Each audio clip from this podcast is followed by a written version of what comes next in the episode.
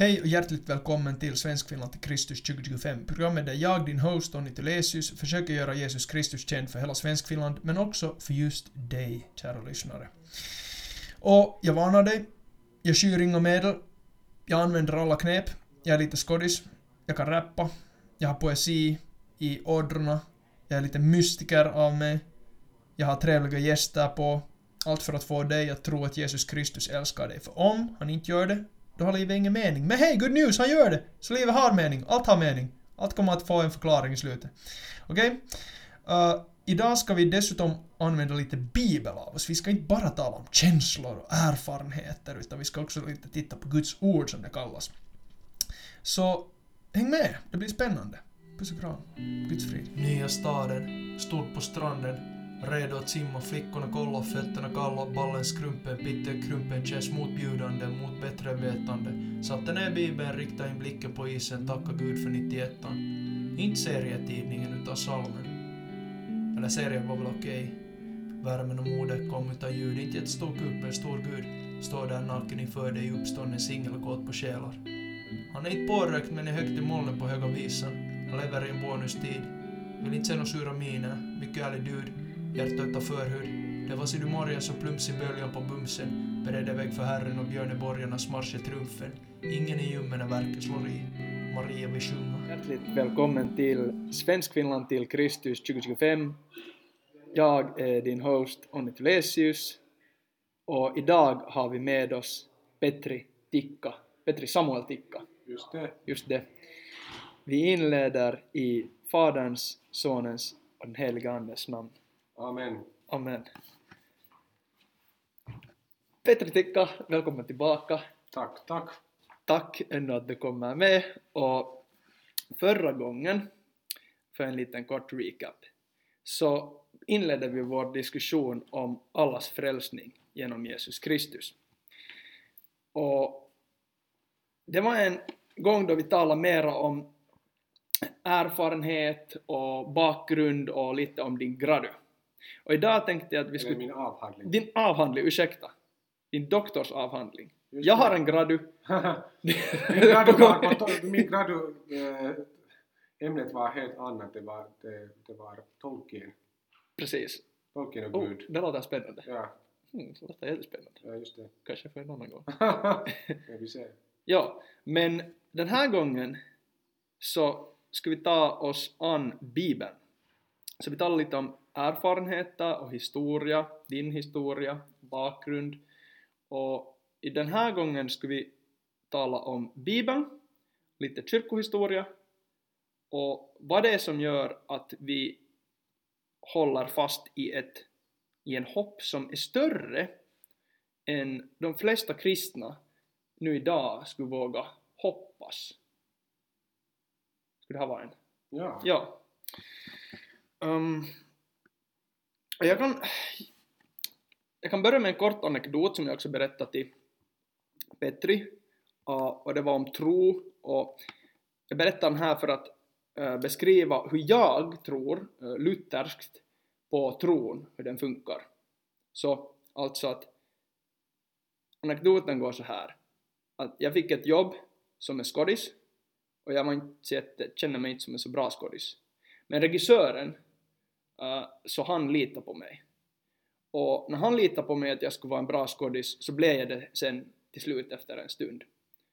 Och då upplevde jag efteråt att ha, att så här lite tror jag hur det funkar med tro. Att du kanske just nu som lyssnar inte tror ännu på att Jesus kan frälsa alla människor eller på att han vill frälsa alla människor eller på att ja, han ska frälsa alla människor. Men jag och Petri delar en sån här tro om att du också ska tro det här någon dag och hoppas på det här och också be det här någon dag. Fast det låter ganska konstigt. Och vi baserar den här tron på Bibeln, på våra erfarenheter och på kyrkohistorien.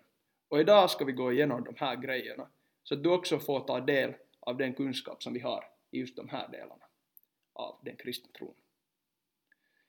Precis. Du nämnde ett bibelställe som var viktigt för dig eh, med tanke på den här tron.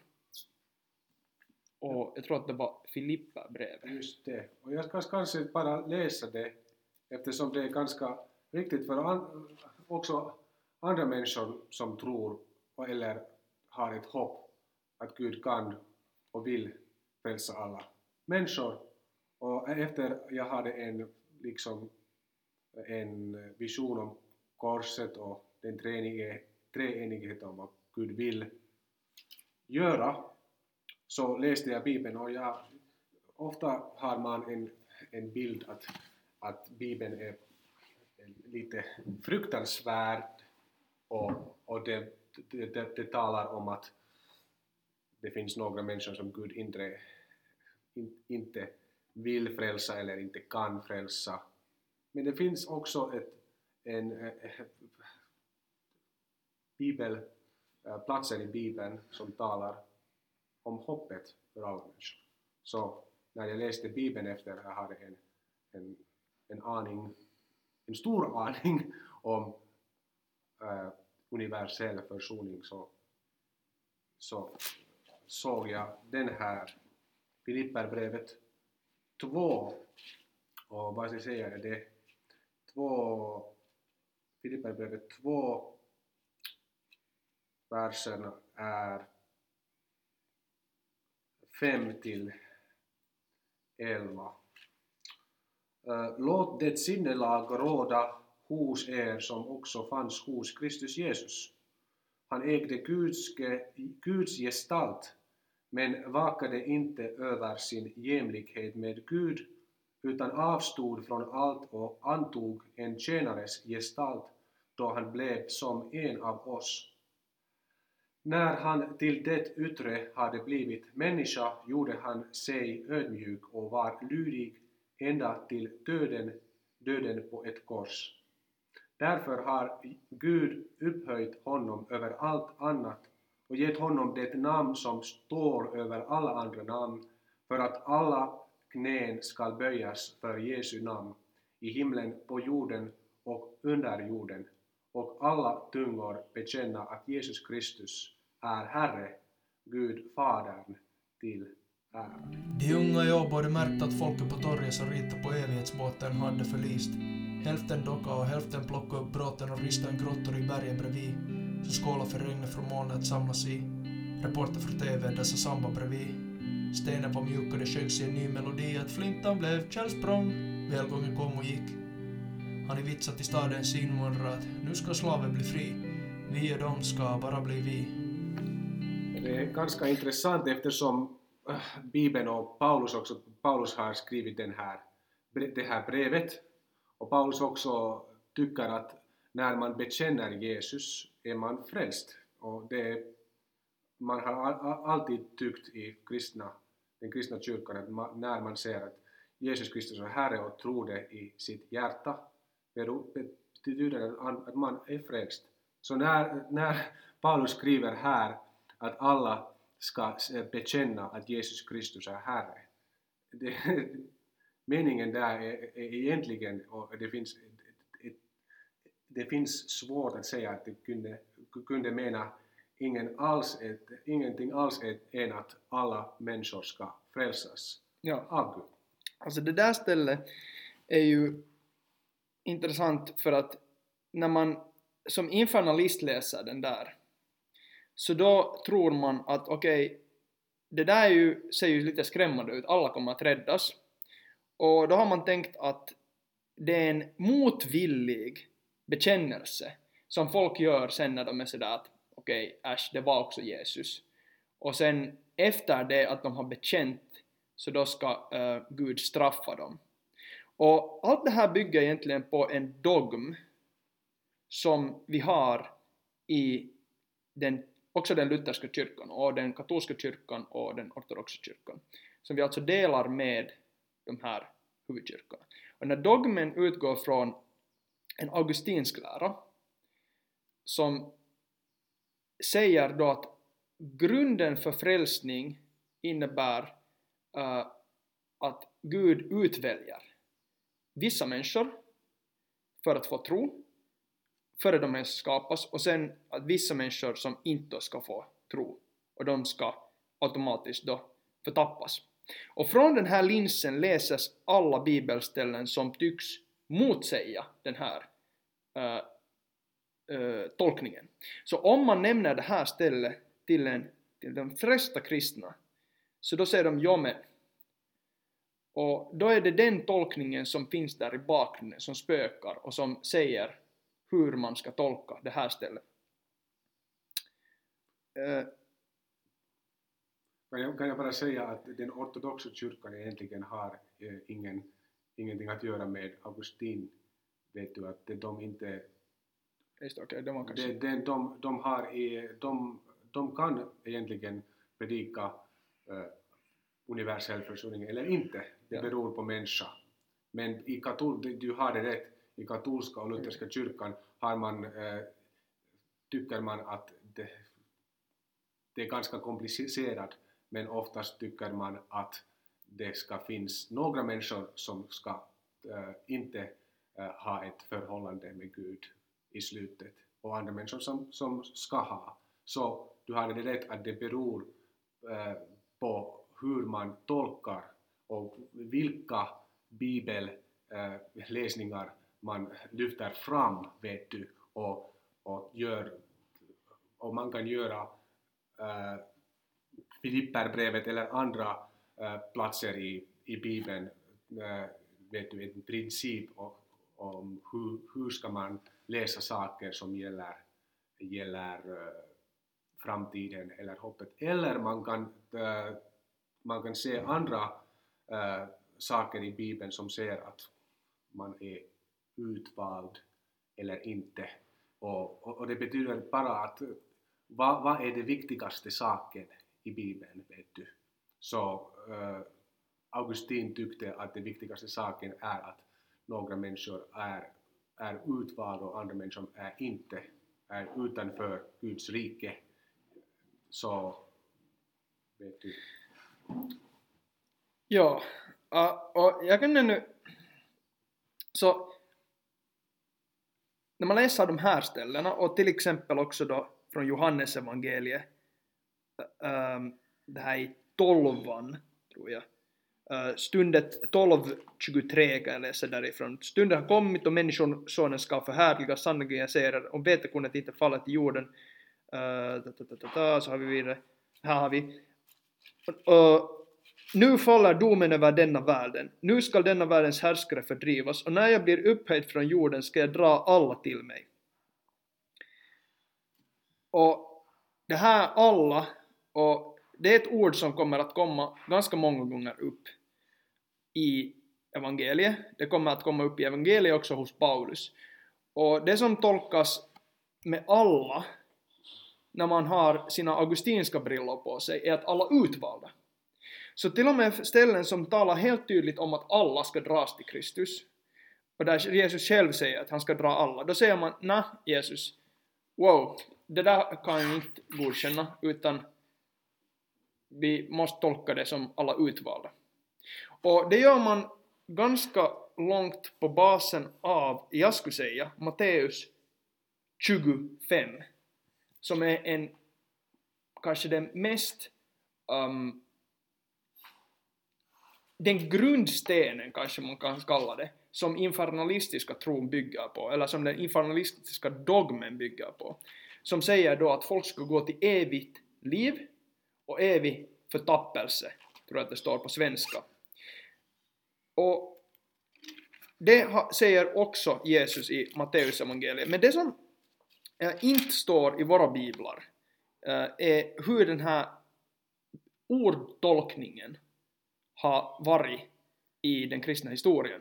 Och ordtolkningen av både ordet evigt och straff uh, har gått igenom en liten utveckling. Vill du nämna den?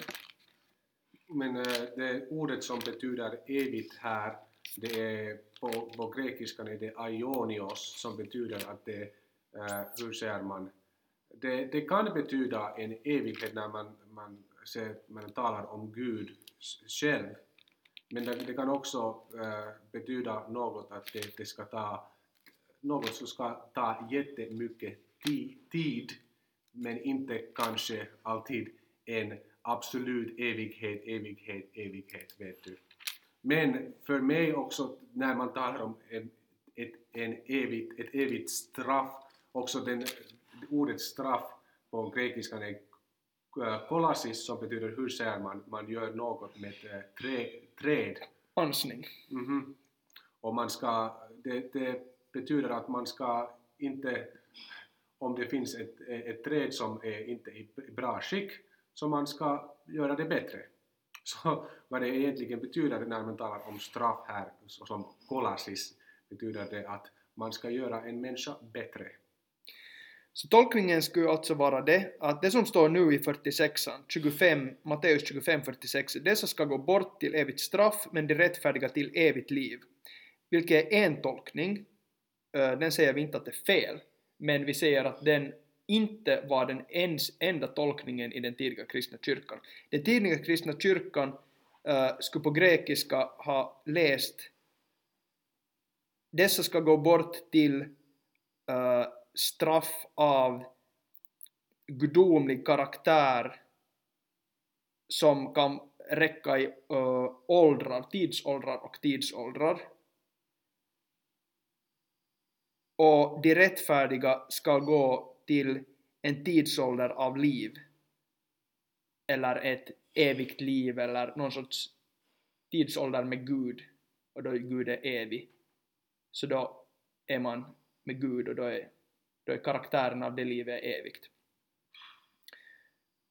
Och det här, ju det här är ju helt annat än det som Eh, man skulle läsa i en svensk bibel, också i en engelsk bibel, de flesta, flesta engelska biblar. Och från det här så har då Augustinus, som inte kunde grekiska, utan som läste på latin och läste Eternum, vilket har en smalare uh, tolkningsmöjlighet. Eternum i latin betyder mera som då miljontals, miljontals år utan slut. Mil miljoner gånger miljoner som aldrig tar slut, alltså evighet. Någonting som också inte motsvarar det uh, eh, hebreiska ordet olam, vilket används mera som det grekiska ordet aionios i den hebreiska uh, bibeln. Så man antar att den grekiska äh, bibeln, äh, vad ska vi säga, Nya Testamentet, har tagit sin ordförståelse, ordtolkning äh, från det hebreiska ordet olam. Så då skulle det motsvara alltså tidsålder med Gud och sen då utan Gud. Och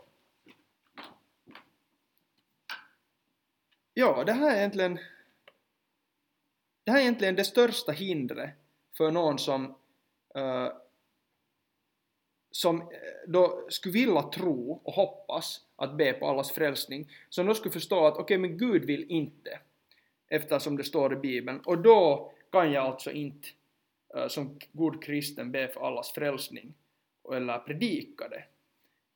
Och det är ett problem. Det är ett stort problem.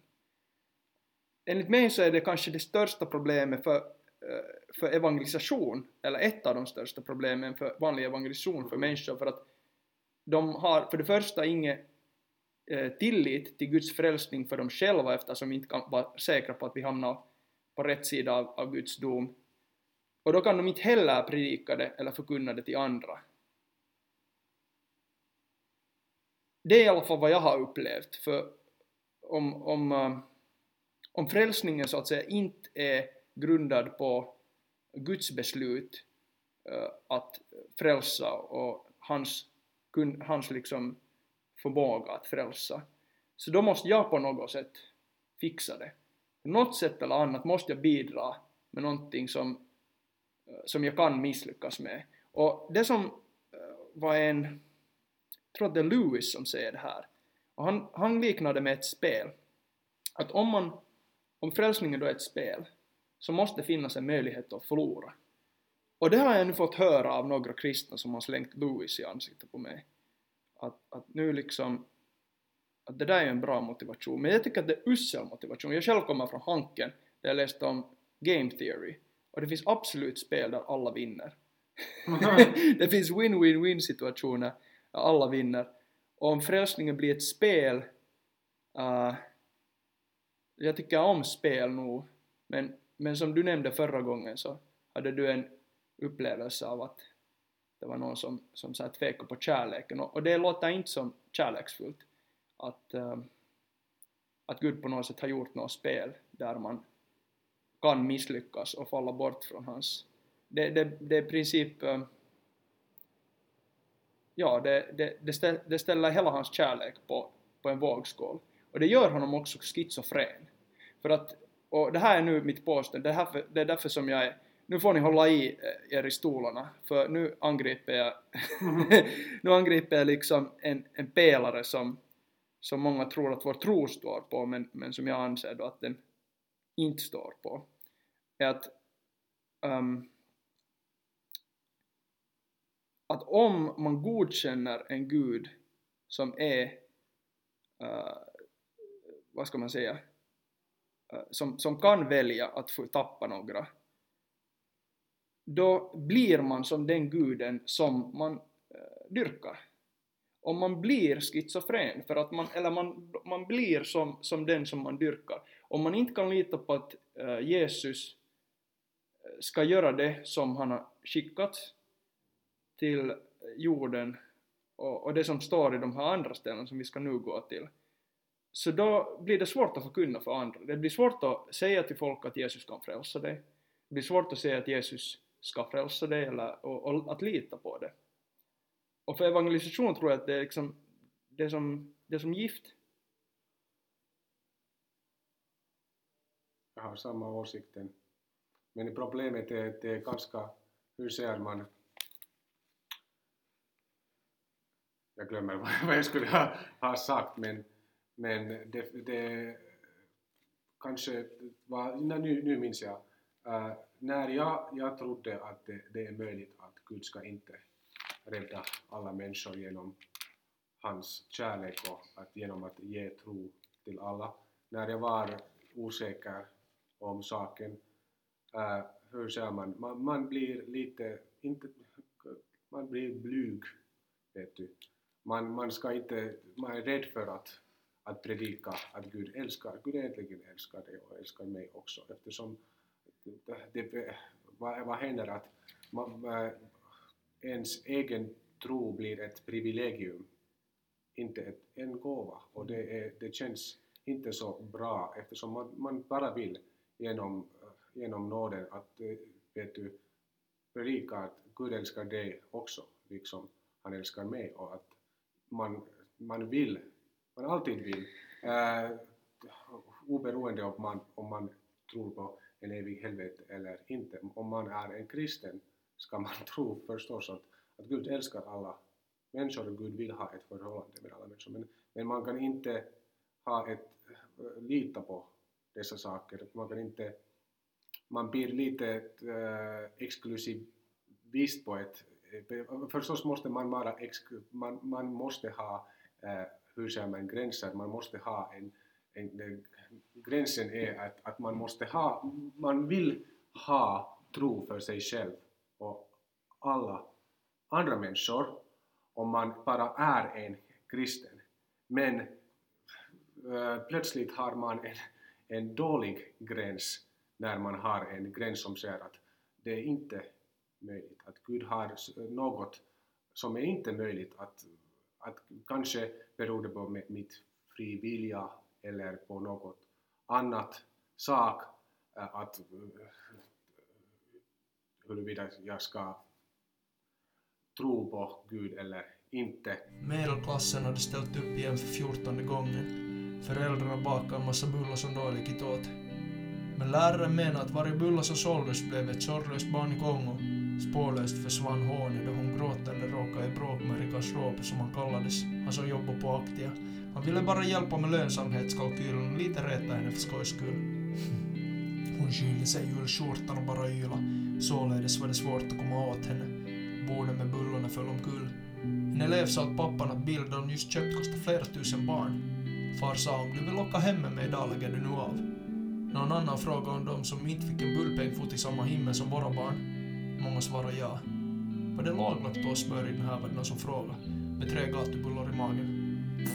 Ja, tydligen inte. Vet du. Så, så, så det, det blir man ganska rädd för att när man har en, man, när kan man, man kan lita på genom den helige anden att Gud kan och Gud vill rädda alla människor. Som, som eh, man blir inte en bättre kristen vet du, men man, men man har mer hopp att tro att Gud egentligen kan göra det som vi som kristna människor vill att ska hända. Och, och viktigast är att att vi, det är inte bara vi som kristna människor vill att alla ska ha tro, men Gud själv vill, vill det och, och Gud som är, har, är allsmäktig kan göra det.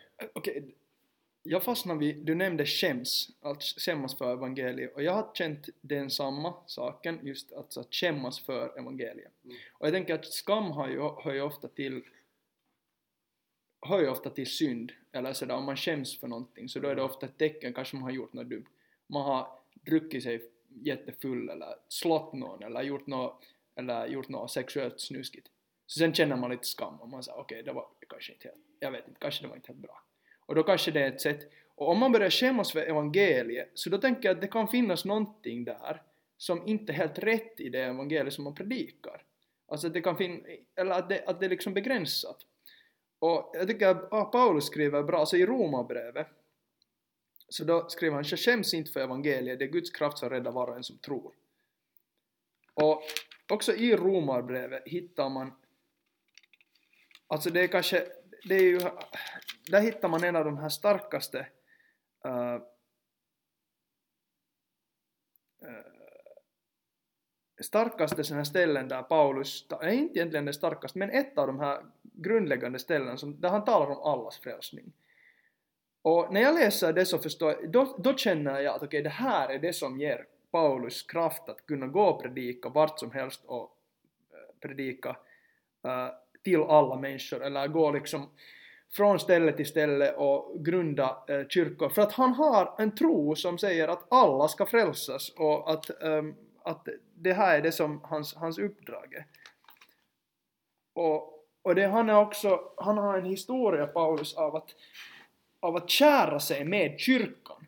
Alltså han har inte en historia, dels har han ju då förföljt kyrkan, som Saulus, då tidigt. Men sen dessutom har han skurit sig med kyrkan när han börjar tala om hedningarnas frälsning. Och nu i Romarbrevet så talar han om allas frälsning. Uh, jag kan läsa här. Um, Ändå härskade döden från Adam till, uh, till Mose också över dem som inte gjort sig skyldiga till en överträdelse som Adams. Och Adam motsvarar honom som skulle komma, men överträdelsen kan inte jämföras med nåden. Om alla dog genom en endas överträdelse, så har nu alla fått del av Guds överflödande nåd, nådegåvan som bestod i en enda människa, Jesus Kristus. Och följderna av en enda mans synd kan inte, kan inte jämföras med denna gåva. Ty domen följde på vad han ensam hade gjort och, han, uh, och blev fällande, men nåden följde på mångas överträdelser och innebar ett frikännande. Om en endas mans överträdelse betydde att döden fick herravälde genom denna ände, så skall nu istället de som blir rättfärdiga genom nådens överflödande rika gåva leva och få herravälde tack vare en enda Jesus Kristus. Alltså, det här är då slutsatsen. Liksom en endas överträdelse ledde till fällande dom för alla människor, så har också en endas rättfärdiga gärning lett till frikännande och liv för alla människor. Och sen fortsätter han, liksom en enda människas olydnad gjorde alla till syndare, så ska en endas lydnad göra alla rättfärdiga. Alltså den skall göra alla rättfärdiga. Det, kan- det, är helt, det är helt intressant eftersom och förstås använder den, den här äh, läsningen i, i äh, lutherska äh, teologi om man talar om hur säger man en, en universell rätt, vad är det vanhurskauttaminen? Rättfärdiggörelse, just det. Men man talar inte här om rättfärdig, bara om ett rättfärdiggörelse eh, som händer just nu, men också ett hoppet att det ska, eh, det ska vet du, göra alla människor levande. Och vad, och vad betyder att vara levande? I Bibeln förstås betyder det att ha ett förhållande med Gud och med Guds helige Ande. Så, så förstås ska man som en, eh, du och jag som lutherska människor tror att Gud Eh, rättfärdiggör alla människor redan, men också vad är viktigt här i den här läsningen är det att Gud ska göra det eh, personligt för alla människor och ska ge, och ska ge dem tro och bekännelse liksom i Filipperbrevet. Och också vad är intressant för Paulus eh, att förstås tror jag min, att i, i Gamla Testamentet har, det, har man också uh, saker och ting och, och att, för att säga om att alla, alla äh, vet du, folk ska komma till äh, Nya Jerusalem och till och tro i den enda Gud. Men äh, man trodde, och, och, kanske tror man ännu i, i, i många former av judaism, att, att, att det ska, judiska folket ska tro först i, i Gud och lyda hans äh, lag. Och sen ska alla andra människor komma. Men Paulus sa det bara att, att det ska hända äh, snabbare, att alla andra folk ska, kan redan komma in, att äh, allas försoning har redan vet du, hänt genom Jesus Kristus. Om man, äh, har ett, man kan redan säga att Gud älskar dig till andra folk direkt.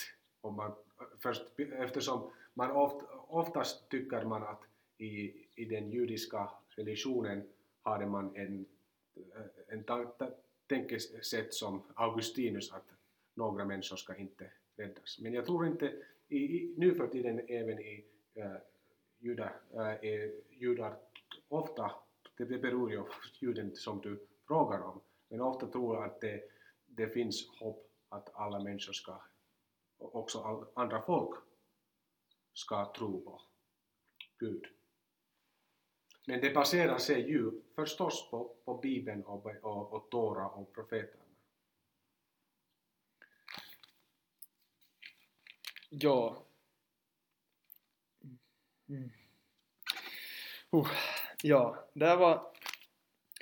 Det, sen, det som... Alltså för mig är tron och hoppet, men speciellt också bönen, en jätteviktig del av det här. Och jag tänker att kyrkan leds mycket av bönen på det sättet att det andliga livet, jag märkte själv, jag kan dela att jag hade det här om veckan så jag kände mig jättelångt från Gud liksom under en tid och det var inte alls kiva. Och jag märkte att i något skede så mitt böneliv hade helt fallit bort. Ungefär. Jag hade inte bett nästan alls, så lite så här. Eh, jag kände liksom, jag kände jätte, jag kände mig jätte så här dålig och ensam och, och övergiven. Och sen så kom jag på i något skede, jag pratade med lite kompisar och tyckte att allt var bara, allt var bara dåligt och sen var de sådär att nej, nu, nu har du nog någon lögn. Jag började fundera och sen började jag ta upp mitt böneliv igen. Och nu börjar saker igen vara jättekiva och saker är jättebra. Mm-hmm. Och med det där bönelivet. Och det som, det som är en, en sak som, som styr bönelivet är ju då förkunnelsen. Så när jag hör på förkunnelser som talar om uh, allas frälsning, om det här hoppet, så då får jag också stöd, alltså mitt böneliv förändras så att jag kan be för precis alla och jag kan ha tro och hopp för precis alla som jag möter. Vilket helt konkret betyder det att när jag träffar den här pulsaren på gatan, eller mannen som har druckit sig jättefull, och jag vanligtvis inte skulle se någon chans på att vi kan ha ett gudsmöte någonstans. Så nu har jag egentligen en övertygelse om att jag vet att Gud kommer att, vad som helst, om jag bara har tid och ger tid, så kommer Gud att göra någon sorts möte för att han har bestämt det. Det är inte ens fråga om mer om det att kommer jag att lyckas liksom vet du, säga det rätta ordet? Eller ska jag komma och visa på något sätt Jesus kärlek på rätt sätt? Att nu måste jag, vet du, smila just på rätt tillfälle. Det, är inte, det handlar inte om det, utan jag kan bara lita på att okej, okay, nu har Gud valt att frälsa den här jappen och jag får vara med och kika när det händer lite Just saker. det. Jag får vara med, bara liksom, vara med på resan här lite en stund med den här människan och få vara liksom, och det tar bort all press från mig. Från att liksom, eh, från att fundera att hur det, för jag kan se på en människa som, som har liksom riktigt dåligt just nu och jag kan vara såhär, vad vitsig att inte, inte Jesus kan du frälsa den här jappen, no chance. Att han är, uh, men uh, istället, uh, och, och ibland så drar den nog ner mig så att jag själv också blir såhär, att ah, inte, ei, ei taas tuu mitään. Men sen kommer jag tillbaks till ordet och till förkunnelse av, av, av den här karaktären. Det, det, det är jättekiva att du säger det och det är jätteintressant eftersom min mormor Eh, var också, eh, vet du, hon läste mycket Bibeln och hon hade en vän som hade tappat eh, tron och, och, och hade tagit bort sitt liv egentligen. Och då min, min mummi läste Paulus som sa att alla ska räddas några genom elden, så trodde hon att det är möjligt för Gud att rädda Eh, alla människor. Och också dem som har inget, ingen tro just nu.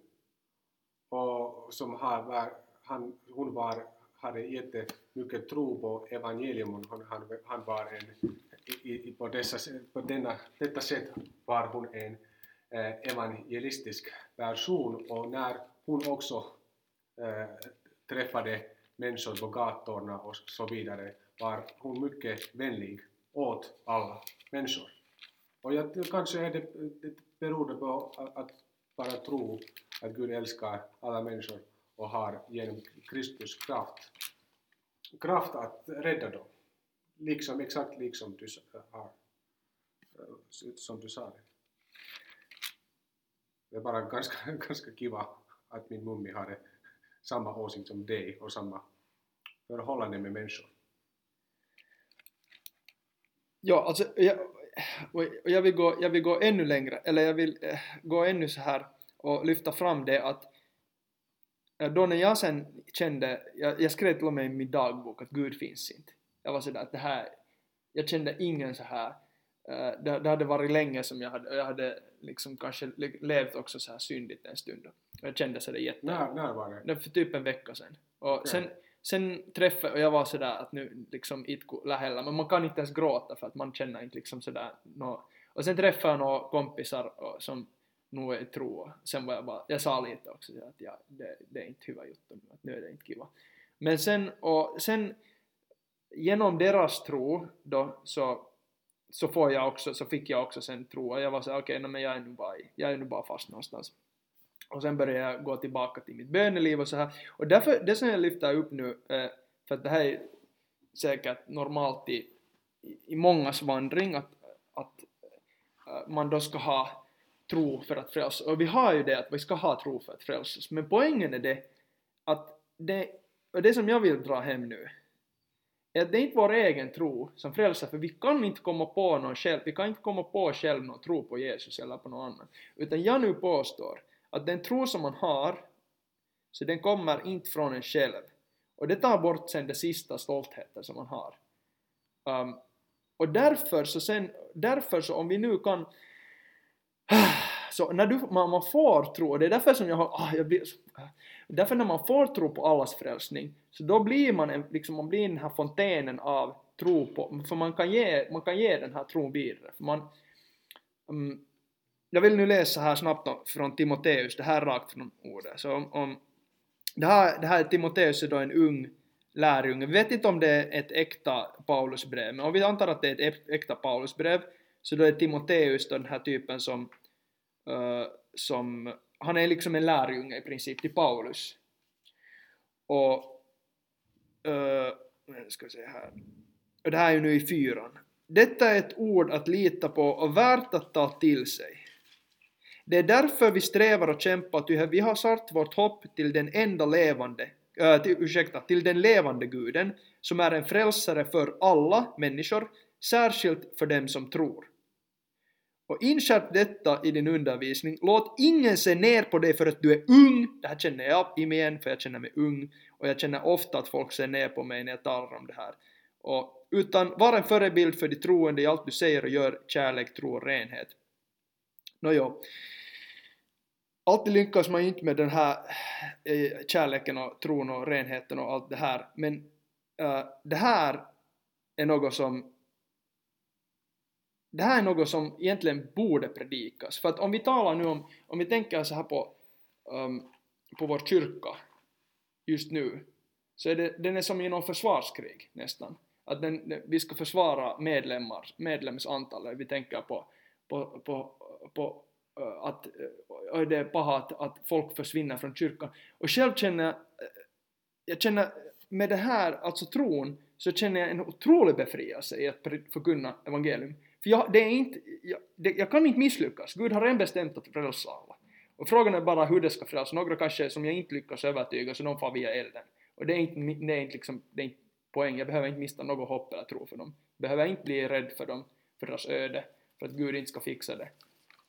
Och samtidigt så kan jag förkunna för helt alla. Det, det, gör, mig, det gör till och med mer till ett problem för mig, för jag, jag har svårt att fokusera på liksom vilken, vem ska jag liksom nu tala med nästa, nästa vecka. Men det är liksom, det är otroligt roligt att evangelisera och de flesta kristna som jag möter, de tycker inte om att evangelisera och jag förstår det för att det är ju helt hemskt om man liksom, om man har någons evighet på sina händer eller om man liksom inte ens kan lita på det som man förkunnar. Så det är ju helt hemskt. Då måste man, då måste man skämmas och det är ju ingen vill skämmas. Det är jättejobbigt att skämmas. Det är liksom, uh, och därför, och när folk sen frågar liksom att varför ska man förkunna evangelium? Jag har inte vågat förkunna evangelium för jag tror på det här sättet. Det är ju det som hindrar mig från att förkunna evangelium, om någonting. Um, jag har nog sen försökt skrämma mina kompisar genom helvetespredikan då när jag var riktigt rädd för det i början. Jag tror nog att, det, jag tror nog att tron på helvete och evig eld kanske har en, en plats liksom i när man kommer in i tro. Att liksom förstå att ja, Gud har en möjlighet, att om han ska vilja så har han ju kraften såklart att göra det om han är allsmäktig. Men att när man lär känna honom och när man läser Bibeln så... Ja, jag, jag, jag läste en, det finns en, eh, en eh, äh, episkopal en anglikansk teolog som heter, äh, hon heter äh, Eh, Marilyn eh, McCord Adams och hon sa det ex, nästan exakt som du sa att man kan ha en bild att Gud är så stor och det är så så absolut, hur säger man, äh, det är så konstigt, absolut konstigt att man, man, kunde, man äh, ville inte tro på honom. Att det är det orsaken att man har en bild om en evig helvete. Att det, det är så, det är så, Gud är så stor och vi är så, vi är så små här och, och äntligen säger vi nej till Gud. Det är så konstigt att man har man kan förstå att man har en bild om en evig helvete. Men på samma tid, Gud är så absolut stor att han säger bara oh, okej, okay, du kan inte ha det på allvar. Och jag ska ju göra något helt annat och något, något vet du, överraskande. Och, och det är lite som vad, vad Marilyn McCall Adams från Amerika säger. Så, så måste man förstå just nu, även om jag, jag personligen tror att det, Gud har, aldrig hade en, planerade att äh, tappa något, några människor, inte alls. Men på samma tiden, på samma tiden man kan förstå vad ligger bakom den här bilden, att det är absolut uh, hur säger vi, för, förvirrande att att en, en, att en enda människa kunde inte lita på Gud eller använda sin fria vilja till något som inte gör henne eller honom fri. Vet. Eftersom vi som kristna människor tror att friheten finns bara i Gud, i bara Jesus Kristus, Kristus bara genom heliga Jag ropade på mannen vid Roskisen häromdagen. Hej mannen! Visst har du hört att någon satt plastik på posten? Och visst är du dum med att jag får kolla Rosken du just slängt in? hm, det där visst plastbyten det där komposten vena. Och den ser bra ut. Men du förstår min tanke, eller hur? Och det var inte för att du var svart som jag frågade. Får man säga sådär svart? Jag skulle inte vilja bråka med det då, jag menar hallå, kolla på dina lår. så ser jag mig klappa dig på tårna. Visst är det bra mellan oss två, visst är det bra att jag frågar. Jag är inte från någon sinmusta like, men jag vet den här karln, han är bra nog. Lite skratelogi, blandat med luthersk antisemitisk ideologi. Hmm. Men jag har inte heller alla svaren. Det är fader vad som har dem. För kommer det nattvardsvinsvaccin? Vad händer när man bara tar bröd utan vin? Fast du kanske är muslim? Varför säger du ingenting? Varför får jag inget svar? Ah, det var du som var på hav från Sahara. Allahu akbar, jag håller med, men jag tror han har ett barn, han heter Jesus. Han vill ha din vänskap. Han är inte som Putin, mera som Zelensky. Det här ämnet är lite kännspakt. Ah, du kan inte finska och svenska. Det ingen skada skedd. Kanske en kram. Nej, det var ju corona idag, kanske imorgon. Kanske du inte bara är en kramare? Finns ju såna... Hur hälsar man därifrån ni kommer ifrån? Ah, ni tar bara i hand. kan man alltid lita på. Man kan säga förstås nej till Gud, vet du. God, Gud är inte så att han säger att du måste nu tro. Gud bara drar oss in drar. i sitt rike. Och, men på slutet, vet du, det, det, det gäller om också att ha ett, ett hopp för sitt eget, egen, eget tro, vet, vet du. Att ska jag tro att det är möjligt för Gud att tappa mig? Men det, jag, jag vet att det finns ju kristna människor som kan, kanske, kanske är rädd för det. Jag, jag var aldrig inte så mycket rädd för det eftersom jag hade så mycket kärlek och kristna släktingar och så vidare.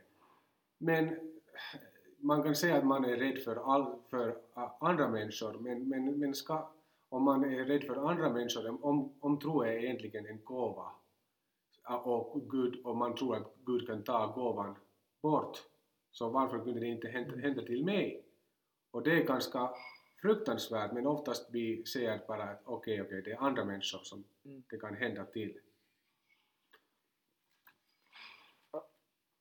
jag tror det var, alltså, och det som, eh, alltså som, evangel, som jag upplever mig som evangelist, det som pro- problemet är att eh, med att överhuvudtaget ha kvar uh, en monopol på, um, på vad ska man säga, eskatologin, är att det rygg, alltså det, det, man ryggar för de här djupaste frågorna som folk har. Till exempel, jag tror att det var Luther, eller Luther när han hade själavårdstillfällen. Så i princip hans svar, ja, eh, svar på, på mångas frågor när de började bli jätteoroliga sen för att och ja, han hade å ena sidan tagit bort det här avlatsbreven, att man skulle köpa sin plats i himlen. Och då kan man tänka att no, det var ju bra, det var ju nog bra. Jag menar, han gjorde mycket gott och sådär. Men han löste inte frågan, eller löste, han, han, han gav inte något svar sen till den här eh, frågan som han, för han var ju också augustinermunk, han var ju kom från, hans, hans bakgrund var augustiner, så när han sen till slut kom till insikt, okej, okay, jag, jag får den av tro alena av nåden alena. Men när han inte hade löst den här frågan om ett, vart sträcker sig nåden? Sträcker den sig till mig, till min granne, till alla?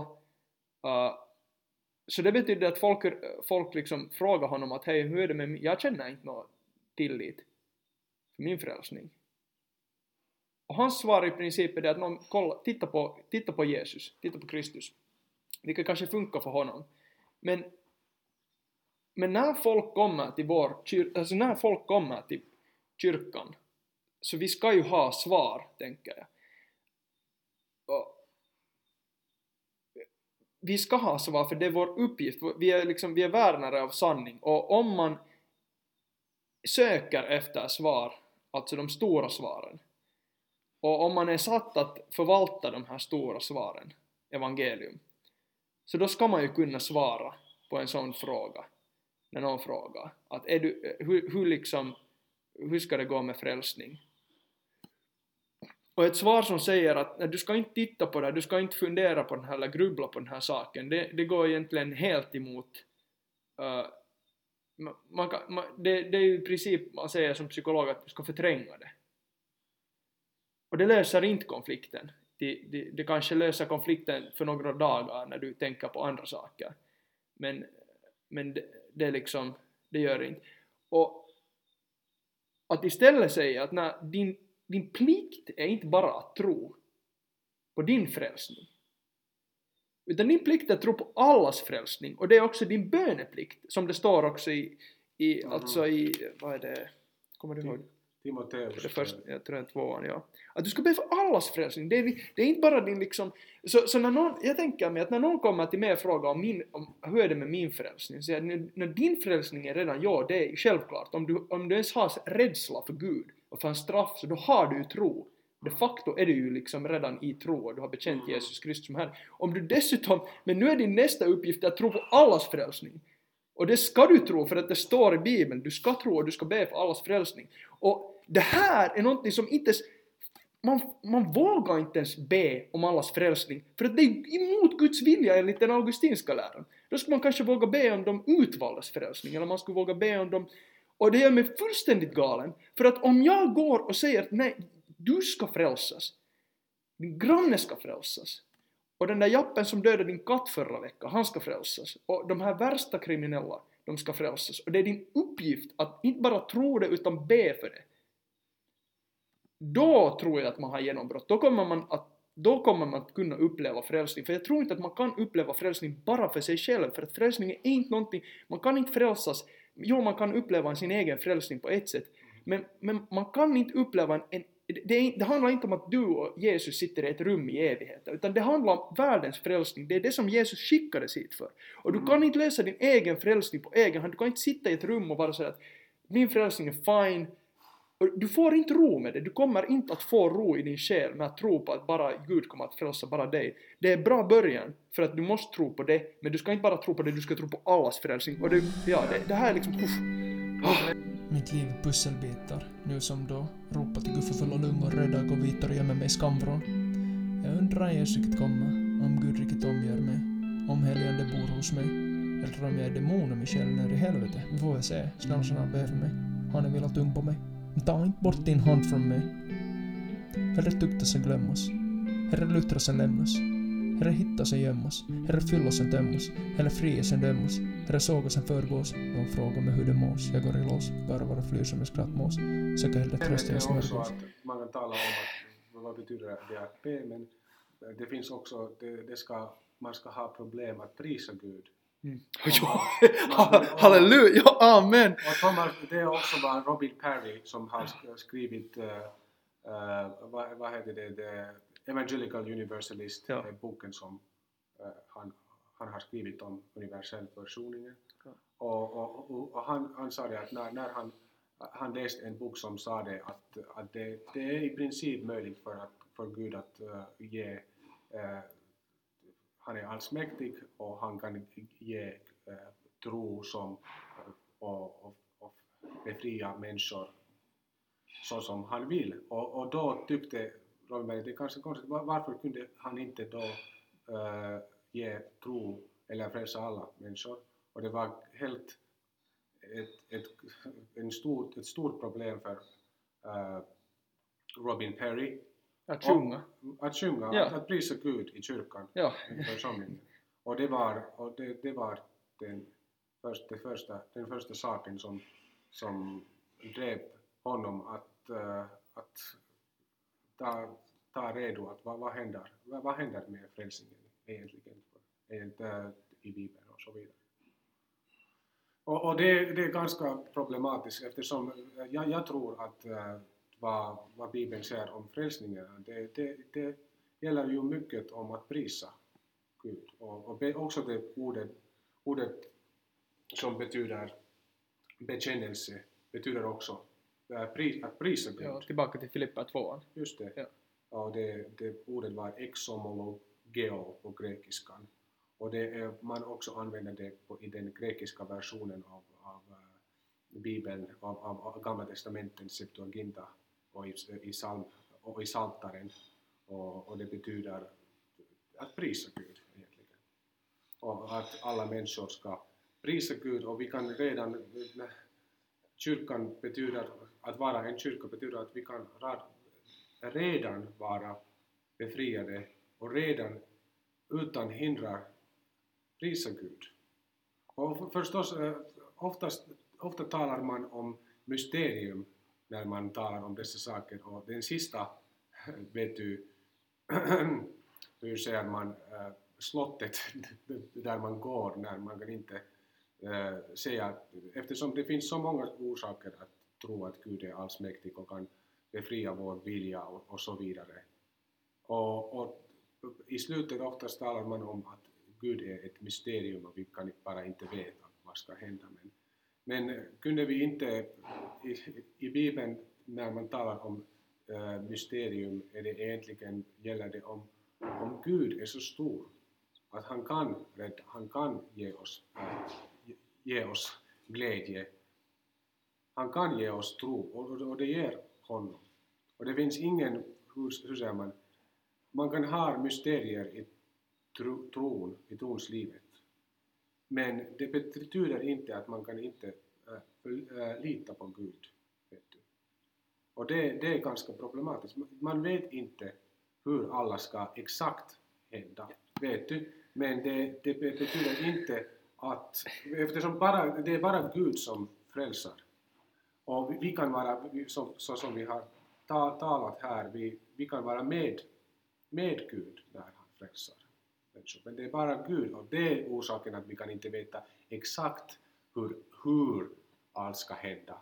Men det betyder inte att vi kan inte ha, äh, vi kan inte, att vi inte kunde tro på den helige anden som, liksom Paulus säger att om någon säger att, Gud, att Jesus, är, Jesus är Herre beror det på, det kommer från den helige anden.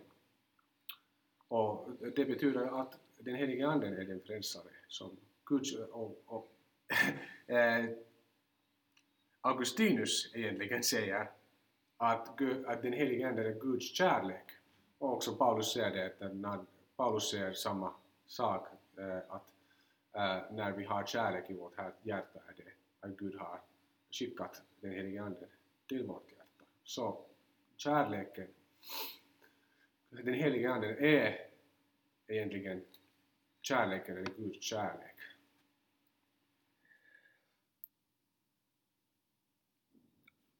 Men ja, det är bra. Jag har nu ännu en sak, det här är det som jag ännu vill angripa. Jag är på krigsfoten nu. Och det är det att det finns en stor, alltså jag, jag tror att frälsningen finns i kyrkan och vi talar lite om sakramenten och dopet och den här kyrkogemenskapen och det är ju där som, till exempel när jag miste min tro så fick jag inte den tillbaka på egen hand utan kyrkan kom där och gav mig tro. Jag behöver kyrkan. Mm. Men det finns en lydnad i kyrkan som är bra på det sättet att vi har en lydnad till en tolkningstradition. Men det finns en lydnad nu som, som säger då i princip att, att den här tron på allas frälsning, och på alltings upprättelse, är uh, heresi. Och den här, det här är en, en sak som går tillbaka till 500-talet till ett kyrkokoncilie och det här är eh, ännu den här sista grejen som, jag skulle kunna, som vi skulle kunna snabbt nämna här. Att va, varför så skall en kristen person nu idag, 2022, så varför skall den ifrågasätta det här kyrko, det här beslutet som finns då, som det, jag tror att det är den 17 artikeln i vår uh, vår uh, så här bekännelseskrift. För jag menar då att det här är någonting som vi måste riva ut, eller det är någonting som måste liksom, det här är någonting som måste, uh, som måste bort. Att det här är skadligt för, uh, det är i princip att sätta en monopolställning på en eskatologi som inte haft monopolställning i den tidiga kyrkan. Alltså att det har funnits en stor del av både kyrkofäder och en stor del av kristna som har haft en tro och ett hopp för allas frälsning. Då kan man ju förstå att okej, okay, alla kanske inte har fått, kanske någon har fått en fräls, tro på frälsning för sig själv och kanske sin familj. Det är ju helt bra, han kan ju tro det. Men sen finns det de som har fått, som Origenes och Gregory av Nyssa. Och de har fått tro på allas frälsning. Och de är också stora kyrkofäder som har någonting att säga om det. Och de har haft den här tron. Och speciellt då Gregory av Nyssa som då är med i, jag vet inte vilken roll han har spelat, men tydligen en äh, eh, viktig roll i vår trosbekännelse. Alltså den som vi läser varje dag, den personen som har varit med och skrivit den. Så han är universalist. Och han har då sett att okej, okay, att ja, man frälses och vissa frälses lite genom eld och vissa frälses genom dop och så här och så vidare. Men alla frälses till slut. Den trosbekännelsen som du och jag, eller den lyssnaren läser, den är uh, i princip gjord, eller gjord, men den har varit med att göras av universalist, en universalist. Och sen finns det, så det här är någonting, och jag blev, jag blev det, det var en, en, när jag började tala om det här, så då var det en som skickade mig den här länken till den här 17, var det 17 artikeln tror jag. Och det är ju någonting, då, då måste vi ju göra någonting, tänker jag, för att det, det är ju någonting som begränsar vårt, uh, det är ju någonting som begränsar vår, uh, vår, vårt böneliv. Den viktigaste saken förstås är den lutherska kyrkan, vet du, är att vi tror på Bibeln. Ja, Och, efter, och i den lutherska kyrkan i Nyfotide och, och åtminstone i vår lutherska kyrkan i, i Finland, den principen som man har när man tolkar äh, bekännelseskrifter som Luther och vänner äh, har skrivit, är att man, tolkar, man kan tolka dem genom Bibeln. ja, och, Och, och det är det viktigaste, att, man, att om man ser att Bibeln har en, Bibeln ger oss stort hopp eller en orsaker för att, att tro att Gud kan och Gud vill äh, rädda alla människor, så måste vi ta Bibeln först. Och förstås, man kan säga att okej, okay, det finns heretiker också som inte tror för, för kanske på treenigheten eller något. Men om man kan säga att alla dessa saker om universell försoning, om alla dessa saker som jag tror det, det egentligen är, det, det beror på hur, vem Gud är som treenighet. Och, och om man kan säga att alla ska räddas genom dopet, genom predikan. jag tror att det, det ska, vad ska hända? Det ska inte hända utan kyrkan. Det ska inte hända utan oss. Det är genom oss som Äh, den helige Ande vill göra att alla ska frälsas. Så det, det finns ingen heresi här eftersom, liksom vi talade, det finns också Gregory Gregori av Nyssa och alla äh, som var fädernas fader, som de sagde. Och också det, i den om vi, var, vi ska vara ekumeniska, i den ortodoxa kyrkan är det helt, helt tillåtet att säga, att, att predika att Gud kan och vill se, frälsa alla människor. Så vi måste vara lite ekumeniska, vi ska vara också ekumeniska med den, eh, inte bara med, eh, med människor som, eh, eller kristna människor som eh, eh, lever just nu, men också med den, eh, för, med den kyrkan som har varit. Till hälften ännu vilde men till sinne mild. Varje dag hoppas jag på någon som febrilt. Han som lovar gör mig fläckfri. Han läker mina sår väl, du skulle ha sett mig för tre år sedan. Jag ber med iver av glödande tungor. Låt mitt tid få rinna undan, rimmar i takten och tåg som går undan över spåret går en gammal vän. Valentin. All those people, thousand ways. Spelas i kapelle. Kan ännu se övergångsställe. Snöyre minskar sikte för chaffisen. Och, och Paulus och, och många exegeter säger att Paulus egentligen det är bara inte oss här, Onni och Petri, som tror att Paulus sa det, att alla ska frälsas. Men det finns också många, många exegeter, eh, det, det sägs, äh, människor som äh, tolkar Bibeln äh, som sitt ämbete, som säger att det är, det är egentligen att, vad, vad Paulus säger. och hit ännu, det finns en stor rädsla som jag vet att kommer från det att när man inom kyrkan säger någonting som just nu inte godkänns, så då har man också krafter mot sig som, uh, som då säger att hej, att det är lydnad är viktigt. Och jag vet själv att lydnad är jätteviktigt i kyrkan. Det är någonting som är bra och det är någonting som är från Gud, att man har, organ, man har liksom en sån här ordning. Men, och det här är jättekiva, och det här är någonting som jag tänker att jag har jätteproblematiskt när folk börjar tala till mig om, om försöka tillrättavisa mig. För å ena sidan tänker jag att okej, bra, de försöker liksom rädda mig från heresi. Jättebra, det är ju det är liksom en jättebra kristen grej att man ska liksom hålla lära ren. Det är jättekiva. Det är jättebra, kiva juttu att du bryr dig om min själ. Men, det, men, men tro mig, jag bryr mig också om din själ och jag har också Guds fruktan. Jag har liksom, eh, att det är inte något, det är inte något som, Det är väl med din själ, broder, det vet jag väl. Och de som lagt tjänarna har renodlat stenar vid gravgården för länge sedan. Var inte orolig. När Jesus kommer tar med dig hem. det, det är inte något som, eh, som sådana som tror på evig förtappelse eller som, som tror på, uh, som håller sig till den uh, tron har på något sätt monopol på. Uh, sen, det som jag nu, jag, jag skulle vilja, nu är vi vid en timme. Men det som jag skulle vilja att, att folk skulle kolla på är bara liksom rent kyrkohistoriskt, att vad har vi, vad är det som vi måste kolla i det här andra konciliet som, som gör att vi, vi är liksom nu bundna i princip till, att, eh, till ett begränsat evangelium och till en tolkning av, av evangelium som, eh, som Augustinus eh, har gjort. Och inte bara Augustinus, det är inte, inte vill vi liksom, om han nu skulle vara här i rummet så han har skrivit säkert mycket bra, han var säkert en kiva, kiva typ och allt sånt här. Men det här, jag vet inte hur länge jag, jag kommer att orka liksom hålla min, god min i kyrkan.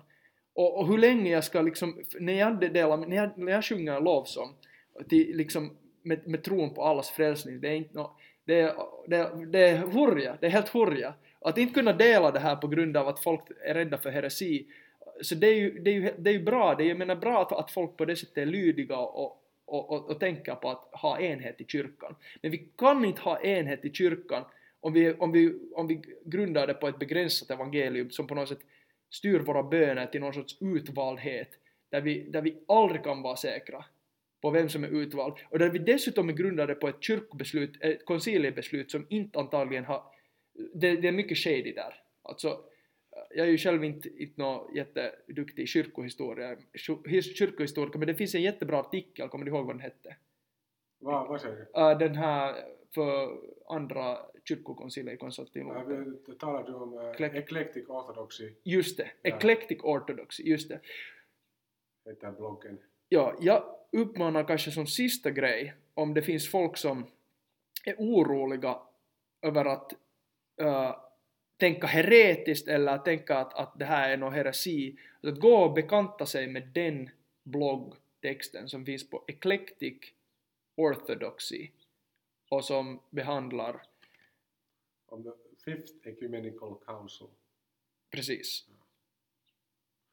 Och eftersom äh, man, äh, man ofta, ofta säger att det, det fanns en, en, en ekumenisk koncil på sek- äh, fem, 500-talet Ja. och man tror, man ofta säger att man har, har redan sagt att universell försoning är en heresi där. Men enligt många kyrkohistoriker liksom Ilaria Ramelli och så vidare och så vidare säger man att eh, vad egentligen hände där är ganska komplicerat och det eh, det, mest, det, det är möjligt att de sa det men det är ganska komplicerat. Att de sa det att det finns en, eh, pan, en panteistisk version, version. Ja. av universalism och av kristen, de är inte längre kristen. Och panteism betyder att vi ska inte ha en, vi, ska inte vara individer eller människor. Ja, Gud lite allt, allt i allt och sådär. Nej, nej, men förstås Gud ska vara allt i oss som människor. Ja. Men vi ska, vi, ska, vi ska ändå vara människor i slutet. Eftersom det, det fanns också liksom synkretistiska eh, liksom, eh, människor som trodde på att alla ska frälsas men med en helt annan Eh, mening än Gregory av Nyssa eller egentligen Origen. Och det är kanske det som man sa det att det inte är tillåtet att predika att vi ska inte längre vara egentliga människor, människor med en, eller individer i slutet. Ja. Um, oh, okay, ja. Så det här, um, det här var tack. Oh, Petri Tikka, tack.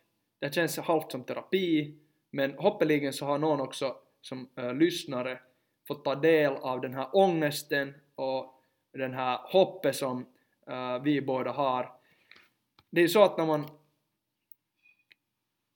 äh, när man har när man bryr sig om människor som vi, vilket vi hoppas att vi gör så då har man också ångest för människor. Och jag har ångest för en massa kristna människor som inte får del av evangelium. Och det förtrycker deras tro, de är i princip, de lever i förtryck känner jag. Och, och, de, och de vågar inte förkunna evangelium, de vågar inte dela sin tro. Och de, och de, och de känner att, äh, att, att de inte egentligen får tro på, äh, på, på till exempel. Och de, blir, de skäms över sitt evangelium, så de skäms över sin tro. Och de skäms över, sin, äh, över den viktigaste saken som de har, alltså sin tro.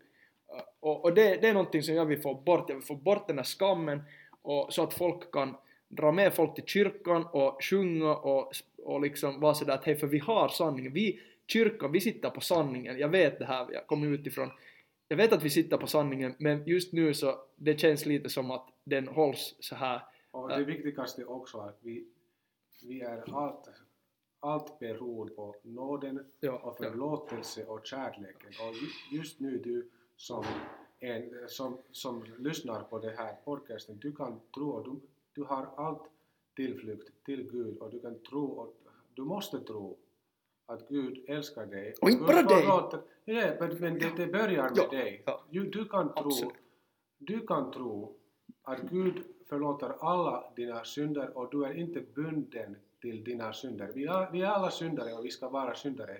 En- Men, men vi kan vara fri, befriade och om du kan vara befriad och du är genom dopet och nattvarden och genom förlåtelsens, förlåtelsens ord som jag predikar just nu till dig. Du är, Gud älskar dig absolut, Jesus Kristus älskar dig och den helige Ande av Guds kärlek älskar dig också. Och det betyder att du är befriad och du har, nu har du den helige Anden i, i ditt hjärta. Och det betyder att alla människor som du ser kan ha, får delaktighet i den helige Anden. Och du, du, kan, du, måste, du kan vara befriad, befriade, du är, du är befriade och alla dina synder är, är helt och hållet äh, förlåtet. Tro på evangeliet, tro att Gud älskar dig och alla människor.